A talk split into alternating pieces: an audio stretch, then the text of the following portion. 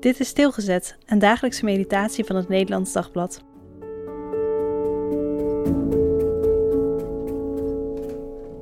Stenen.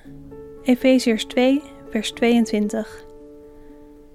Vanuit hem groeit het hele gebouw, steen voor steen, uit als een tempel die gewijd is aan hem, de Heer in wie ook u samen opgebouwd wordt tot een plaats waar God woont door zijn geest. Het meest bijzondere van een tempel is dat de Godheid er woont.